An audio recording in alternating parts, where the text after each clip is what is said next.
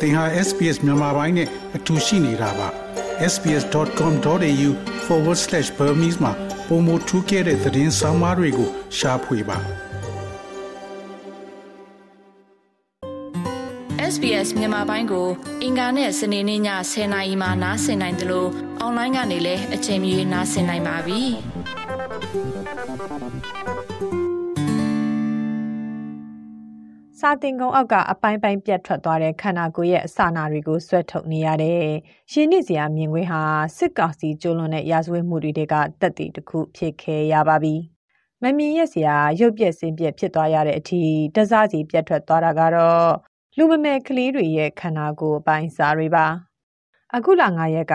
စစ်ကောင်စီရဲ့လေကြောင်းကနေပုံကျဲတိုက်ခိုက်မှုကြောင့်ကရင်ပြည်ဒီမော့ဆိုအနောက်ဘက်ကျန်ဒေါ်စီအီဂျီရွာနဲ့လိုင်နန်းဖာဂျီရွာကဒေသခံကလေးတွေနဲ့ပြည်သူတွေအသက်သေဆုံးခဲ့ရပါတယ်။စာတင်ကျောင်းရှိရာတဲတဲကိုလေကြောင်းကနေပုံကျဲတိုက်ခိုက်ခဲ့တာကြောင့်စာအုပ်ခဲတံကင်ထားရင်းနဲ့ပဲဒေါ်စီအီဂျီရွာက73နှစ်အောက်ကလေးငယ်လေးဦးအသက်ဆုံးရှုံးခဲ့ရပါတယ်။ ဆယ်ဦးကျော်ဟာလည်းထိခိုက်ဒဏ်ရာရရှိခဲ့ပါတယ်။ဒီစာတင်ကျောင်းဟာပရိပကအခြေအနေတွေကြားမှာပဲကလေးတွေပညာရေးနဲ့အဆက်မပြတ်စေဖို့မူချိုအရွယ်ကနေကိုတန်းအထိကျောင်းသား200နီးပါးတက်ရောက်နိုင်အောင်ပြုလုပ်ထားတဲ့ကိုတူကိုဒကျောင်းလေးတစ်ခုဖြစ်ပါတယ်။အခုတော့ကြုံတွေ့ခဲ့ရတဲ့ရင်းနှီးစရာအဖြစ်ပြန်တဲ့အတူမလုံခြုံတဲ့ရက်ဝင်းတွေကြောင့်ဒေါ်စီအီဂျီရွာကစာတင်ကျောင်းကိုပိတ်ထားလိုက်ရပါပြီ။ လေကြောင်းပုံကျက်မှုအပြီးကလေးတွေကိုကုညီကယ်ဆယ်ရေးလှုပ်ဆောင်ပေးခဲ့တဲ့ဒေတာကန်တူကသူမြင်တွေ့ခဲ့ရတာကိုအခုလိုပြောပါတယ်။ပြမတော့ကလေးတွေတော်တော်လေးထိုင်းလန့်ကြောက်ရွံ့ကုန်တာပေါ့နော်သူတို့ဟိုဒီဘုံတန်ကြောင့်ထိခိုက်အဲဒဏ်ရာရတဲ့ကလေးငယ်တွေကိုဟိုလဲသူတို့မြင်မြင်ကိုတွေ့တွေ့လဲရတယ်တေဆုံးနေပြီးအပိုင်းပိုင်းပြတ်သွားတဲ့ဒီကလေးတွေရဲ့ကလေးတွေရဲ့ခန္ဓာတွေလည်းကလေးတွေတွေ့လဲရတာပေါ့နော်လေရင်တန်ကြောင့်မလို့သူတို့လည်းတော်တော်လေး ဟိုကြောင်ရုံထိတ်လန့်ကုန်တော့ဗောနော်အကြောင်းမှာတော့ကလေးတချို့ဒီတို့စာအုပ်လေးတွေလွယ်အိတ်လေးတွေလာယူတာတွေ့တယ်ဗောနော်တွေ့တော့ကျွန်တော်တို့မှမလာမယူတော့နဲ့အဲတားတို့တမီးတို့ပြန်တော့ဗောနော်အန်ဒီများတယ်ဟုတ်တန်းတွေကလည်းပြိုပြက်နေအုပ်တွေကလည်းပြိုနေတော့ဟိုဒီလိုတို့ စာအုပ်တွေဆွဲယူနေချိန်မှာထပ်ပြိုလာမှဆိုတာရယ်စစ်ကောင်စီဖက်ကပြန်ပြီးတော့လေရင်ပြန်ဝဲလာမှဆိုတာရယ်နောက်လက်နက်ကြီးတွေပစ်ထဲလာမှဆိုတာရယ်အကြောင်းမို့ဒီကရနီကရားမှာရှိတဲ့စစ်ပေးချောင်းတွေအားလုံးကြောင်းပေးလဲရတယ်ပေါ့နော်စာတင်ကြခွင့်ခဏရက်ဆိုင်ထားတယ်ပေါ့နော်ဘုံကျဲတိုက်ခိုက်ခံရပြီးတဲ့နောက်မှာတော့ဖုံလိမ့်လိမ့်ကတ်နေတဲ့ထမင်းကြိုင်လေးတွေလွှဲအိတ်လေးတွေနဲ့ဖက်နှက်လေးတွေဟာပိုင်ရှင်မဲ့ဖြစ်သွားခဲ့ရပါပြီ အဲ့ဒီ9ရက်နေ့တရက်ထဲမှာပဲဒေါ်စီအီကြီးရွာနဲ့အတူလေကြောင်းပစ်ခတ်ခံရတယ်။လိုင်နန်းဖာကြီးရွာမှာတော့ပြည်သူ3ဦးသေဆုံးခဲ့ရပါတယ်။ဒါအပြင်ကရင်ပြည်နယ်ရှားတော်မြို့မှာလည်းကိုဝင်ဆောင်အမျိုးသမီးအပါဝင် အမျိုးသမီး3ဦးနဲ့9နှစ်အောက်ကလေး3ဦးကိုလည်းစစ်တပ်ကပစ်တက်ခဲ့ပါသေးတယ်။ ရှင်နဲ့လွယ်မွေးခဲ့ရတဲ့မိခင်တွေရဲ့ငိုကြွေးတန်တဲ့အတူဒေါ်စီအီဂျီယာကတော့ဘုံကျဲခံရပြီးနောက်တရက်မှာပဲလေးလောင်းပြိုင်တကြိုခဲ့ရပါပြီ။ကုညီကယ်ဆယ်ရေးလှူဆောင်ခဲ့တဲ့ထိုးမြတ်မာဒိုနေရှင်ကကိုဖိုးစော်ကလည်း ရရောက်ချင်းကျွန်တော်အဲ့နာရေးအိမ်ကိုရင်သွားတာပေါ့နော်သွားပြီးအပေးစကားပြောပါပြောညာပြောဒီသူ့အမျိုးတွေနဲ့ပြောတာပေါ့ဒါပေမဲ့မိမိခင်ဖြစ်တဲ့လူကတော့ဒီကိုတောင်လေးထဲမှာပဲအဲ့ကျွန်တော်တို့ဒီတက်တော်အနီတို့အဲ့ဘာတို့ညာတို့ပေါ့နော်ပစ္စည်းထားတဲ့ကိုတောင်လေးထဲမှာပဲငိုနေတော့ကျွန်တော်လည်းဟိုပါပေါ့စကားမပြောခဲ့ရဘူးပေါ့နောက်ကလေးကိုလည်း အဲ့လိုမျိုးပေါ့တစ်ချက်ကြည့်ပြီးတော့ဝမ်းနဲ့စွန့်နေတာပေါ့နော်မိခင်ဖြစ်တဲ့လူဆိုရင်ဘယ်လောက်ထိဖခင်ဖြစ်တဲ့လူဆိုရင်ဘယ်လောက်ထိဟိုပါပေါ့နော်ယူကျုံးမရခံစားရမလဲတာသမီးချင်းလဲဟိုကိုချင်းစတယ်ဘာကြောင့်ဒီအပြစ်မဲ့ပြည်သူတွေရှိနေတဲ့နေရာကိုဘုံကျဲရတာ哦ဘာကြောင့်ဒီကျွန်တော်တို့ဒီစာတင်နေတဲ့ကလေးငယ်တွေ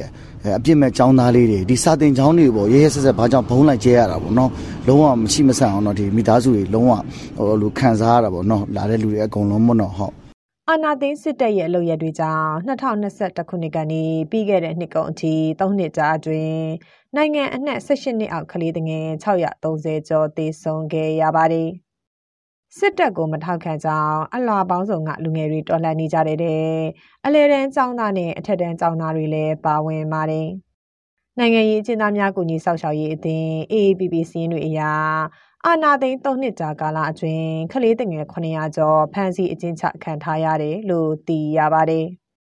အပြစ်မဲ့ကလေးငယ်တွေကိုပြစ်မှတ်ထားနေတဲ့စစ်ကောင်စီအာဏာသိမ်းထားတဲ့မြန်မာနိုင်ငံဟာကမ္ဘာကုလသမဂ္ဂရဲ့ကလေးငယ်အခွင့်အရေးသဘောတူစာချုပ်ကို1992ခုနှစ်ကတည်းကလက်မှတ်ရေးထိုးထားတာပါ ဒီစာချုပ်မှာပုံမှန်တစ်ကနေ40နှစ်အထိကလေးတွေရဲ့ဖွံ့ဖြိုးရေးပညာရေးအကျိုးခံစား권စတဲ့အခွင့်အရေးတွေကိုသက်ဆိုင်ရာအစိုးရတွေကအကာအကွယ်ပြုရမယ်လို့သဘောတူညီထားပါတယ်။ဒါပေမဲ့လက်ရှိနိုင်ငံတွင်းကကလေးငယ်တွေအတွက်တော့လွတ်လပ်စွာပညာသင်ကြားနိုင်ရေးမဆိုထားနဲ့ရုပ်ပိုင်းနဲ့စိတ်ပိုင်းဆိုင်ရာလုံခြုံမှုတွေကိုပါဆုံးရှုံးနေရတဲ့အနေအထားမှာရှိနေတယ်လို့ ကရင်ပြည်ဆယ်တဲကောလိပ်ကဆရာမတဦးဖြစ်သူမိများကဆိုပါတယ်ကျမတို့ပြည်နယ်အာမာကတပြည်လုံးကလုံခြုံတဲ့နေရာဆိုတာပြောလို့မရအောင်ဖြစ်နေတယ်ပေါ့နော်ဒီတိစံနေမြေဆိုတာဟိုကျမတို့ဖက်ကထားပြီးမဲ့လေဒီအဲစစ်ကောင်စီဘက်ကတော့ဟိုခွဲခြားပြီးတော့မှတတ်မှတ်တာမရှိဘူးပေါ့နော်အဲပညာရေးနဲ့ပတ်သက်တဲ့အခါမှာကျမတို့ဒီတတ်နိုင်ဆုံးတော့မိဘတွေနဲ့ပူးပေါင်းပြီးတော့မှကလေးဆက်လက်ဆက်တင်နိုင်မှုအတွက်ကတော့ ဟိုမှာတကယ်အောင်မာတို့ဒီလိုအဆောက်အဦကြီးထင်ရှားတဲ့အဆောက်အဦတွေမှမဟုတ်ပဲနဲ့ဒီကလေးစဖတ်ဝိုင်းတွေ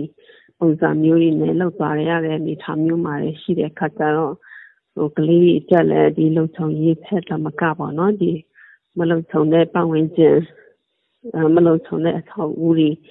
အဲကြားမှာစတင်နေရတဲ့အခါကျတော့ ဟိုစိတ်ခုံမှုတွေခက်ခဲတွေတော့အများကြီးရှိနေတာပေါ့နော်စာတင်ကြားနေရင်ဘုံကျဲတိုက်ခိုက်မှုကြောင့်ကလေးခုနှစ်ဦးသေဆုံးခဲ့ရတဲ့လက်ရက်ကုံဖြစ်စဉ်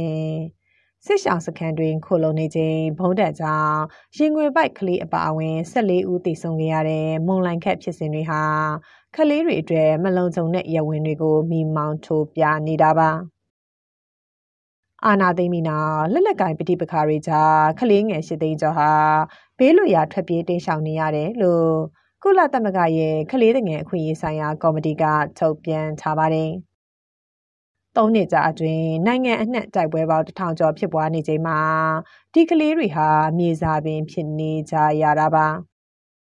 ပျော်ရွှင်စွာဆော့ကစားနေရမယ့်အရွယ်မှာဒီလိုမလုံခြုံမှုတွေကြားကြောက်စိတ်တွေနဲ့ရှင်တန်ငိုကြွေးနေရတဲ့ကလေးငယ်တွေ တည်ဆုံးခဲ့ရတဲ့ကလေးငယ်တွေအတွက်တရားမျှတမှုပြန်ရှားပေးဖို့လှုံ့ဆော်သင့်ပြီလို့ပြောလာသူကရန်ကုန်တပိတ်ကောင်းဆောင်ကိုနန်းလင်းပါ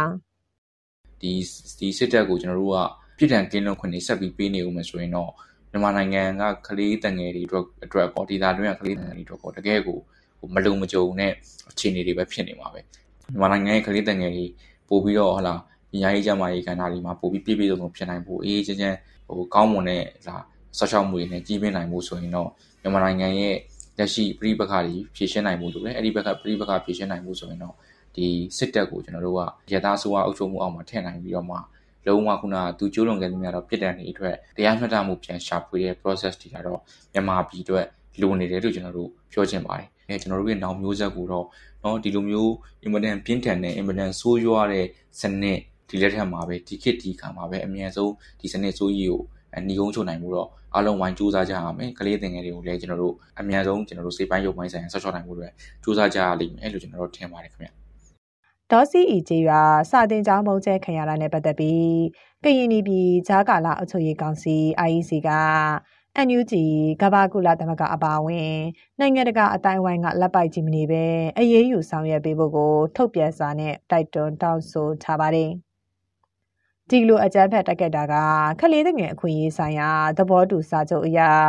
ခလေးတိုင်းပင်ကိုဗီဇအဖြစ်အသက်ရှင်နေထိုင်ခွင့်ရှိတယ်ဆိုတဲ့အချက်နဲ့ဇနီဗာသဘောတူစာချုပ်တွေကိုပြောင်ပြောင်တင်းတင်းချိုးဖောက်နေတာဖြစ်တယ်လို့ထုတ်ပြန်ထားပါတယ်။စစ်ကောင်စီရဲ့ဒီလိုလုပ်ရက်တွေကိုရပ်တန့်စေဖို့နိုင်ငံတကာရဲ့အရေးယူဆောင်ရွက်မှုတွေထိရောက်ဖို့လိုပြီလို့ကရင်နီကြားကာလအုပ်ချုပ်ရေးကောင်စီ IEC တူဥက္ကဋ္ဌခွန်ပီထူကပြောပါတယ်။ All this indicator and fact are ဒီညွှန်းကိန်းနေတဲ့အချက်လက်တွေကစစ်ကောင်စီကျူးလွန်တာကိုသက်သေပြနေပါတယ်ကျွန်တော်တို့ကစစ်ကောင်စီရဲ့လေကြောင်းတက်ခတ်မှုကိုတော့ပြန်လည်ခုခံဖို့ခက်ခဲတဲ့အခြေအနေရှိပါတယ်။မြေပြင်ကနေဆိုရင်တော့ကျွန်တော်တို့ပြန်ပြီးတိုက်ခိုက်နိုင်ပါတယ်။ပြည်သူတွေကိုကူညီနိုင်တယ်။ လေကြောင်းကတော့အကာအကွယ်မဲ့စေပါတယ်။နိုင်ငံတကာအတိုင်းအဝိုင်းတွေနဲ့စစ်ကောင်စီလုပ်ရက်တွေကိုရပ်တန့်ဖို့လှုံ့ဆော်သင့်နေပြီလို့ကျွန်တော်ထင်ပါတယ်။တကယ်လို့လေချောင်းကျဲပြီဆိုရင်ကာကွယ်ရေးတပ်တွေရှိမရှိသိတင်တယ်တကယ်လို့မသိဘူးဆိုရင်တော့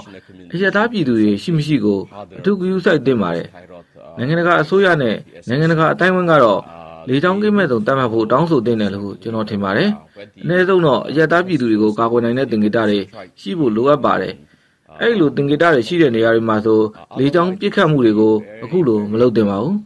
အဲ့ဒီလိုမှမလုပ်ရင်လူခွင့်ရေးကိုကာကွယ်တဲ့နေရာမှာအပြစ်မဲ့ပြည်သူတွေကိုကာကွယ်တဲ့နေရာမှာပြက်ကွက်မှုတွေဖြစ်သွားလိမ့်ပါမယ်။ဒါကြောင့်နိုင်ငံတကာကိုချက်ချင်းနဲ့ထိထိရောက်အရေးယူဆောင်ရွက်ဖို့တောင်းဆိုချင်ပါတယ်။ The international to act um, immediately and effectively နိုင်ငံတနိုင်ငံရဲ့အနာဂတ်ကျယ်ပွင့်တွေဖြစ်တဲ့ကလေးငယ်တွေကိုတော့အိမ်နီးချင်းနိုင်ငံတွေမှာတောင်စိတ်ပိုင်းရုပ်ပိုင်းလုံခြုံမှုရဝန်းမှာရှင်သန်နိုင်ဖို့မူဝါဒတွေနဲ့တံမိုးထားပြီးအကာအကွယ်ပေးထားတာပါစစ်အာဏာသိမ်းမှုကိုရင်ဆိုင်နေရတဲ့မြန်မာနိုင်ငံကကလေးငယ်တွေအတွက်တော့ကြောက်ရွံ့မှုတွေနဲ့ဘဝကိုရှင်သန်ရအောင်သာစစ်ကောင်စီကပုံဖော်နေသလိုဖြစ်နေပါတယ်လက်ရှိအချိန်မှာတော့အပြစ်မဲ့ကလေးငယ်တွေရဲ့မျက်နှာမှာထိတ်လန့်မှုတွေစား ပျော်ရွှင်မှုနဲ့အပြုံးရိပ်တွေတန်းလာနိုင်ဖို့ကသာမနှက်ဖြန်နိုင်အတွက်အုတ်ထင်းသူတိုင်းရဲ့လူရင်ဆန္ဒတစ်ခုဖြစ်လို့နေတာပါဒီသတင်းဆောင်မကိုတန်လွင်ခက်ကပေးပို့ထားတာဖြစ်ပါတယ် SBS မြန်မာပိုင်းကိုနားဆင်ရတာနှစ်သက်ပါတလား Facebook မှာဆွေးနွေးမှုတွေကိုဆက်ကြရအောင်ပါ SBS မြန်မာပိုင်း Facebook ကို like လုပ်ပြီးတော့သင်ချင်တဲ့ချက်ကိုမျှဝေနိုင်ပါတယ် SBS Bemis ကို Facebook မှာ share ကြည့်နိုင်ပါတယ်ရှင်